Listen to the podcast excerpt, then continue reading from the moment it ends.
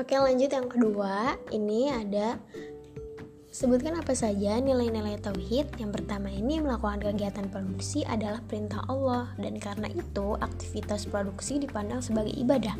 Itu di ayat e, di surat 28 ayat 77. Nah, yang kedua berproduksi adalah e, bagi seorang muslim itu merupakan aktualisasi keberadaan dirinya sebagai khalifah Allah.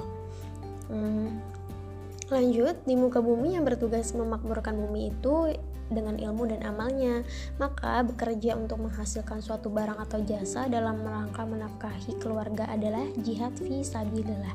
Sabda Nabi Shallallahu alaihi wasallam, siapa yang bekerja keras untuk mencari nafkah keluarganya, maka ia adalah mujahid fi sabilillah hadis riwayat Imam Ahmad.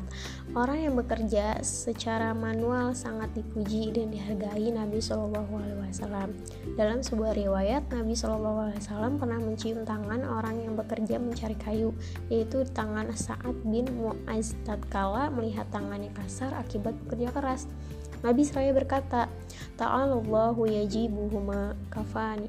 In, inilah dua telapak tangan yang dicintai Allah.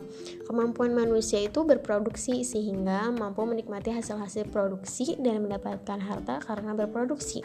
Merupakan nikmat yang harus disyukuri kepada Allah. Islam juga mengutuk manusia untuk kufur nikmat di surat yang ketujuh ayat 14 dan Al-Adiyat ayat 6. Nah, kegiatan berproduksi itu tidak boleh menghasilkan barang-barang yang haram seperti homer, rokok, daging babi, gelatin babi, plasenta, dan serta jasa-jasa terlarang, perjudian, riba, prostitusi, dan lain sebagainya.